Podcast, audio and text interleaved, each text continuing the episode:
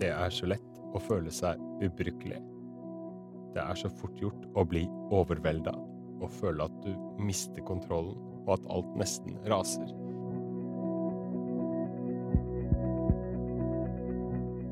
Hedvig Montgomery, er vi, dagens foreldre, mer utslitt, ulykkelige og selvbebreidende enn før? Ah, svar på det er nok både ja og nei. Eh, ja, vi har mer tid til å bli overveldet og utslitt, og vi har mer kunnskap som gjør at vi føler oss utilstrekkelige. Men samtidig så må jeg si at så lenge det har vært mammaer og pappaer på jordens overflate, så er jeg helt sikker på én ting. Etter at barna har sovnet, så har de følt både på en lettelse og kanskje også på noen tanker om hva de burde ha gjort. Du sa vi har mer tid til å bli utslitt enn før. Hva mener du med det? Jo, det er jo ganske interessant. Det er at eh, i takt med at arbeidstiden har blitt kortere, og vi bruker mindre tid til å, på klesvask og oppvask og eh, alt mulig annet fordi vi har fått hjelpemidler, så er det klart vi har fått mer tid til å tenke at vi skal være med barna våre, og også gjøre det fantastisk med barna våre. Vi har fått mer tid til bekymring. ja, sånn er det blitt. Men hvorfor ender vi så ofte opp i den håpløshetsfølelsen, tenker du? Altså, nå er det klart at det er forskjell på barn, og det er forskjell på hvor mange du har, og hvilken livssituasjon du er i, men det er ingen tvil om at det er mye arbeid med barn. Barn er av og til eh, rett og slett små arbeidsmaskiner eh, for de voksne rundt. Det er hele tiden noe å følge med på, det er noe å passe på, det er noe å tenke på. Og det er ikke alltid du er nok, rett og slett. Mm. Eh, du kommer i situasjoner hvor du må eh, bruke deg selv på måter du ikke ante at du hadde en gang.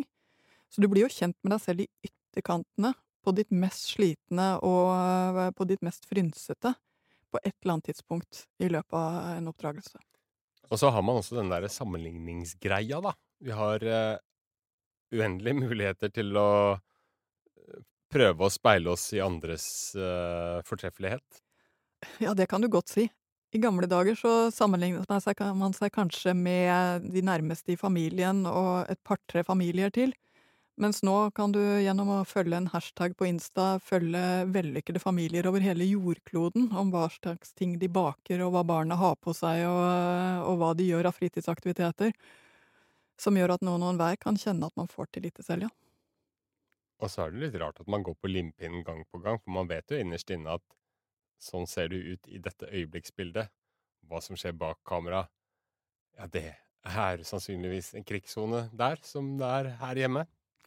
Og det kan du si, men i det øyeblikk du har sett det bildet, så ser det så sant ut. Ja. Eh, og det er jo også forbløffende, for når jeg ser på mine egne familiealbum, så kan jeg jo se et lykkelig bilde fra en ferie som jeg egentlig vet var ganske stress. Mm. Ganske mye søskenkrangling. Ganske mye jakt etter mat som alle likte samtidig. Eh, og alltid et barn som var trøtt og surt. Men så er det ett bilde hvor alle sitter ned samtidig og ser sånn noenlunde påkledde og våkne ut, og så kan jeg tenke 'å, det var fint'. så, så bilder lurer oss jo. Når man opplever nedturer, så er det jo ofte fordi at det ikke står i stil med forventningene overført til dette her eh, familielivet, da, og livet med barn, er det ofte slik at man ofte føler den der håpløsheten fordi at man hadde forventninger om noe annet som kanskje var urealistisk?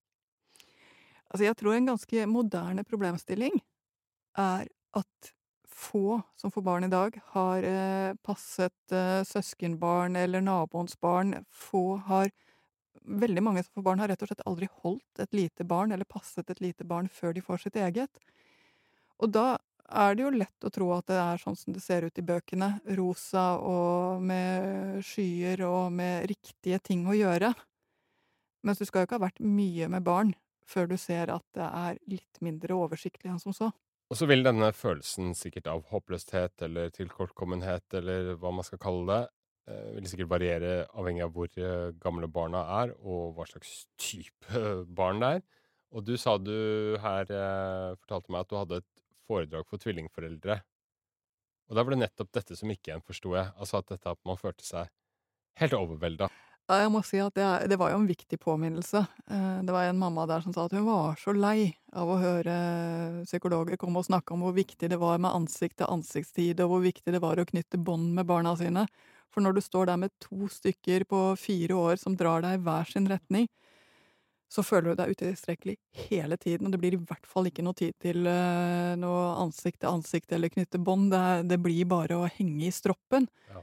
Uh, og også denne skam- og skyldfølelsen. Har jeg, har jeg gitt barna mine en optimal oppvekst nå? Jeg, har, går de glipp av noen ting mm. som ettbarnsfamiliene uh, får?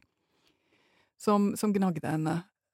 og jeg må jo si at det Hun har jo virkelig rett i at det å det å si noen ting om hva som er viktig i en oppdragelse, gjør jo av og til at man går glipp av selve hovedpoenget. En barneoppdragelse handler jo om å lage de beste livsbetingelsene for oss som familie som vi kan få til, og som gjør at dette barnet får noen ting å strekke seg ut og videre fra. Og det er kjempefint å få levert to på en gang. Det har noen fordeler på et eller annet tidspunkt i livet. Mm. Men det tidspunktet er veldig sjelden før ganske langt opp i årene. Mm. Eh, noen er så heldige at de får tvillinger som sover på samme tid og spiser på samme tid, og som eh, blir litt sånn, ja, drømmeaktig fint. Eh, men de aller fleste opplever at det er ekstremt hardt arbeid, og ekstremt mye arbeid, og mange får attpåtil premature barn, eller barn som det er noe med, som trenger veldig mye ekstra. Så ja, hun minnet meg på én ting er at det er lett å lete etter sånn som det burde ha vært, sånn at du glemmer det som faktisk er.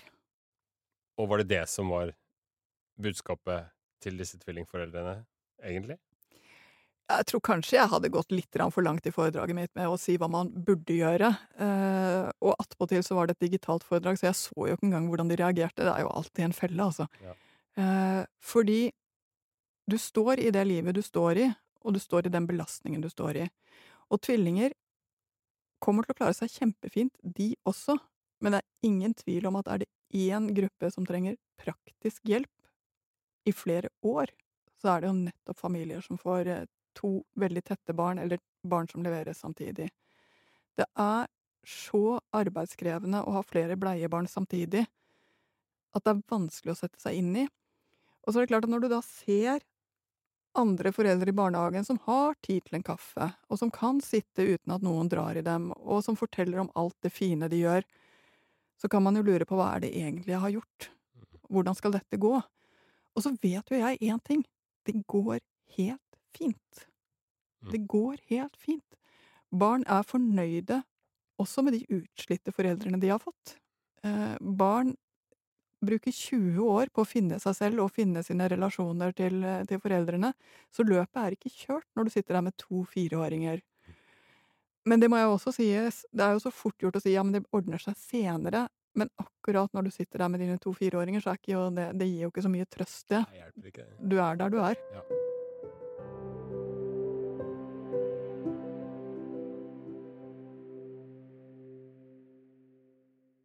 Er dette et typisk eh, småbarnsforeldreproblem.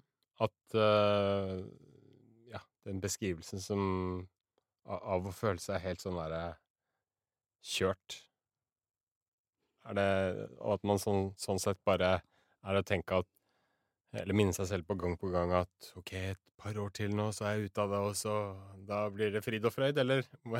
Det er det selvfølgelig ikke, da, men Nei, men jeg tenker jo at barnehagetiden er en altså det er som å leve livet sitt som i en buljongterning. Allting er intenst. Eh, allting er trykket sammen på veldig kort tid. Både du og barna sovner tidlig, utslitte. Eh, det er det er så mye som skjer på kort tid, og det er så mye utvikling som skjer på kort tid hos barna. Så ja, det, det er en veldig, veldig intens tid, og det gjør at den der følelsen av å ikke strekke til Altså, det er vanskelig å se for seg at det går an å ha barn i denne alderen uten at du rett som det er føler det akkurat sånn. At du skal gå og legge deg og tenke 'i dag fikk jeg gjort alt', er rett og slett helt umulig å se for seg med barnehagebarn. Mm. Eh, og har du mer enn ett, så er det ikke bare umulig, da er det helt usannsynlig at du skal være inne på tanken en gang. Um, når barna blir større, så blir det jo slitsomt på en annen måte. Men, men for, hvis jeg får lov til å stoppe deg litt mm. Hva mener du man skal være, si seg fornøyd med, da? Eh, for litt, for litt av trikset da er det ikke å sette seg opp på altfor ambisiøse planer. Hva mener du man skal være fornøyd med? Jeg tror at uh, man i den fasen der i livet rett og slett må se på hva man har gjort, Uh, og tenke 'jeg fikk i hvert fall gjort det viktigste'. Uh, og også trene seg godt opp til å se hvor er det mest behov for mine hender akkurat nå, og så være fornøyd at det var der man fikk gjort det. Mm. Du skal snart få komme til de litt eldre, men jeg må bare spørre også om at som eh, jeg har erfart, som sikkert mange har erfart, er at det er litt vanskelig å få andres forståelse av din situasjon akkurat nå. Fordi at folk glemmer fort hvis de har litt større barn. Eller at de liksom ikke At de har barn som er helt annerledes. Som er mye enklere, kanskje, eller, eller, eller eventuelt har andre problemer igjen. Da. Men, og da blir det jo litt sånn aleine med ditt problem, kan ofte føles som, da. Og jeg tror det er supervanlig følelse at, er, at du er alene. Uh, og det kommer nok av flere ting. Det ene er, som du er inne på, det er ingenting som er så lite etterrettelig som hukommelsen vår. Mm. Sånn at vi stryker jo ut veldig mye med årene om hvordan det egentlig var. Og det tror jeg er nødvendig også at vi gjør. Mm. Uh, det andre er at alle liker jo å skryte litt av egne barn når alt kommer til stykket. Så det gjør at vi forteller jo hverandre de fine historiene og hva vi har fått til, mer enn at vi eh, egentlig, ja, blottstiller både oss selv og barna våre. Ja. Eh, og så tror jeg også at av og til så er det så deilig, fordi jeg ser noen andre som strever mer enn meg, så føler jeg meg jo faktisk litt bedre selv, og derfor så forteller jeg i hvert fall noen ting om hvor fint vi gjør det, ja. eller hvordan Det er jo bare å-ting. Eh, ja. Eh, mens det er jo ingenting som er mindre nyttig for den som står med begge armene og beina oppi noen ting, å få høre at det er jo bare å. For det er aldri bare å i denne fasen. Mm. Mm. Jeg avbrøt deg. Du ville litt opp i aldersklassene. Vær så god. Ja. Eh, med skolebarna så føler man seg jo mer dratt fordi det er så mye å huske. Det er mye logistikk, rett og slett. Det er lekser, gymtøy, aktiviteter. Man må sette opp sånne ukekalendere. Vi er oppe på, på den fasen der, eh, hvor du føler at du får litt nesten popkornhode eh, av alt som skal holdes styr på. Eh, og så får du en annen vridning når de kommer opp og blir eh, tenåringer, hvor du begynner å lure på om du egentlig har gitt dem det de trenger, om du egentlig har vært bra nok, om det kanskje er din skyld at det er nå er som det er. Ja, hva tenker du på da? Jo, altså hvis du da har en tenåring som for eksempel ikke akkurat tar med seg koppene ut fra rommet sitt og setter på oppvaskbenken eller enda bedre inn i oppvaskmaskinen, så tenker du at det er noe du ikke har lært tenåringen din. Mm. Men sannheten er at eh, nesten ethvert tenåringsrom er fullt av kopper over hele jordkloden. Eh, så, så det, er, det er, du får en, en, element som er at, at du føler den der Kunne jeg gjort bedre? Er egentlig dette min skyld? Og så går det seg jo til. Ja, men Den vanligste tenåringsbekymringen er vel ikke på koppenivå? Det er vel på, på, på andre ting, vil, vil, vil, jeg tro? Jo, jo. ja? Altså, koppene er jo bare uttrykk for rotet. Ja, ja. Eh, koppene er bare uttrykk for den kommunikasjonen som ikke har gått frem, og at du tror at all den oppdragelsen du har lagt inn, er blitt borte. Men det er den ikke blitt. Den bare gjemmer seg litt, og så viser den seg igjen litt gradvis fra 16-årsalderen og utover. Og gjemmer seg mellom 14 og 16? Ja, 12 og 16, kanskje. Sånn at hvis jeg forstår deg riktig, så er tenåringstida det er liksom en sånn uh, høytid med motsatt fortegn for uh, foreldreskammen, denne. Det kan du godt si, fordi da har du jo levd sammen med barna så lenge at det er umulig å tenke at det ikke har noe med deg å gjøre. Mm.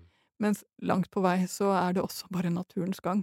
Uh, det er noen ting som skal finne sin vei, og som også der trenger at du ikke ja, går og gjemmer deg helt, men fortsetter å være der. Hvis man leser mye, holder seg oppdatert på gjeldende eh, barneoppdragelsesråd, eh, eh, som dels slår hverandre i hjel, kanskje, da, men, men eh, om, om, man forsøker å holde tritt, gjøre sitt beste osv. Vil man litt for mye ofte? Litt for ambisiøse på barnas vegne? Litt for lite eh, hva skal vi kalle det? Respekt for at dette her bare må skli seg til på eget vis, med, så lenge rammeverket er på plass? Altså, jeg tenker ofte at uh, barneoppdragelsen består av tre deler. Det ene er å kunne noe om barn og barns utvikling, sånn at du vet omtrent hva du kan forvente når, som er veldig nyttig.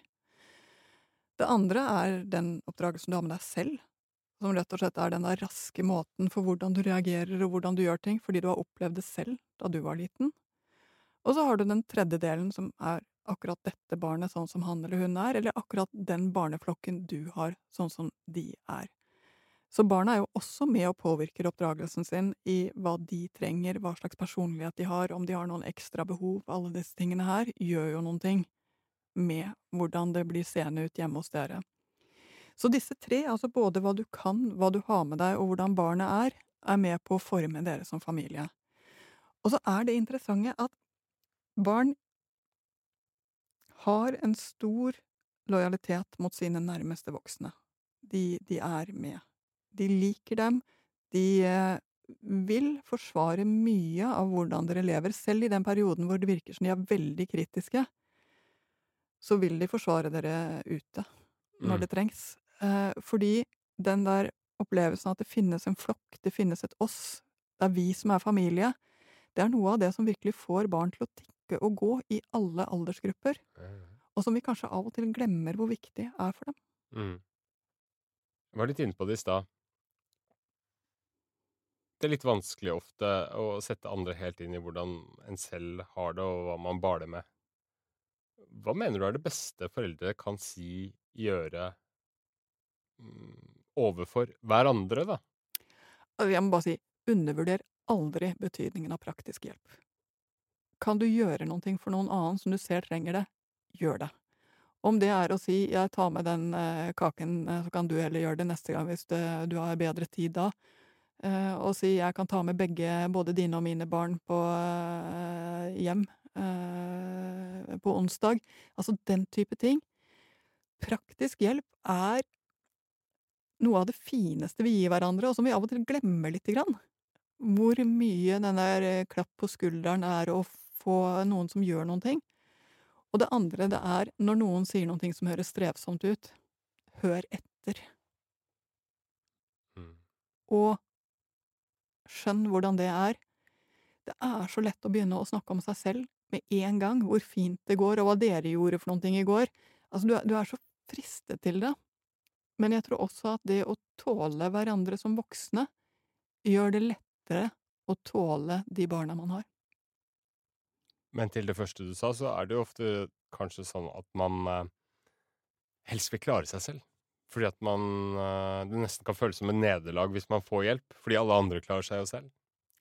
Nei, jeg må si at en av de fineste evnene folk har, det er evnen til å ta imot hjelp. Okay. Hvis du har evnen til å ta imot hjelp, så kommer det til å gå deg bedre her i livet. Eh, rett og slett fordi vi alle sammen havner i en situasjon en eller annen gang hvor vi trenger noens hjelp, og er vi da vant til å ta imot hjelp, vet hvordan vi gjør det på en ålreit måte, så klarer vi de periodene bedre. Så øve seg til tanken 'ja, tusen takk, det blir jeg kjempeglad for'. Øve seg til tanken Ah, det hadde vært kjempefint, så fint at du så den. Øve seg på å si disse tingene er bra for deg, og det er også bra for barna dine, fordi det du viser barna dine, det er nettopp det at det å hjelpe hverandre har en verdi, og det å ta imot hjelp gjør at vi klarer oss bedre. Ja, Hedvig, vi hadde som en slags overskrift på denne episoden 'Du duger'. Og det er eh, ekte ment. Men for å runde av det her eh, med de beste tipsene for å motvirke følelsen av håpløshet og virkelig akseptere at du duger, hva er det? Altså, det første, det er rett og slett å øve seg opp til å gjøre de viktigste tingene først i en situasjon hvor det er mye som skjer, og etterpå tenke 'jeg fikk i hvert fall gjort det'. Det andre det er å være ganske praktisk av seg. Hvordan kan jeg legge opp livet mitt etter den familien vi er? Hvordan skal det se ut hjemme, sånn at vi ikke bruker unødvendig tid på å hindre ulykker eller å lete etter ting? Hvordan kan vi legge opp livet sånn at vi rekker det vi skal? Hva må vi si ja til nå, og hva må vi vente med? Mhm. Det tredje, det er å ta imot hjelp. For all del. Ta imot hjelp når du kan fra dem som er villige til å gi det. Eh, om det er i familien, eller om det er medforeldre. Som samfunn blir vi bare sterkere på av å både gi og ta imot hjelp, og begge delene trengs. Både de som gir, og de som tar imot. Og så er vel det siste. Det er også i slike perioder i livet, og ingen går fri. Finn den tingen som får deg til å le av et eller annet. Finn den tingen som gjør at du i hvert fall får en liten pause. Om det er noen ting du ser på, noen ting du hører på, noen du ringer til. Men de små avbrekkene hvor du rett og slett får lov til å være uten en oppgave rundt deg. Er dere to foreldre, gi den til hverandre jevnlig. Det var faktisk fire ting, og lite er vel bedre når vi med dette avrunder denne sesongen av Foreldrekoden. Tusen takk for at du hørte på. Hvis du har gått glipp av noen episoder, så kan du bare scrolle deg tilbake i arkivene, ikke bare fra denne sesongen, men fra foregående sesonger. Totalt over 100 episoder er tilgjengelig i Podme eller via Aftenposten-appen hvis du abonnerer der. Og Hedvig Montgomery, takk for at du har sittet her i uh, mange timer og gitt dine beste råd til uh, folk der ute. Er det noe du vil si på tampen? Jeg må bare si at vi må jo ha verdens fineste lyttere. For alle de fine meldingene vi får, med frustrasjon, med glede, med ting som blir delt, det syns jeg sier noe fint om den foreldregenerasjonen vi har akkurat nå. Helt enig. Ha en fin dag da, og uke, og så høres vi igjen.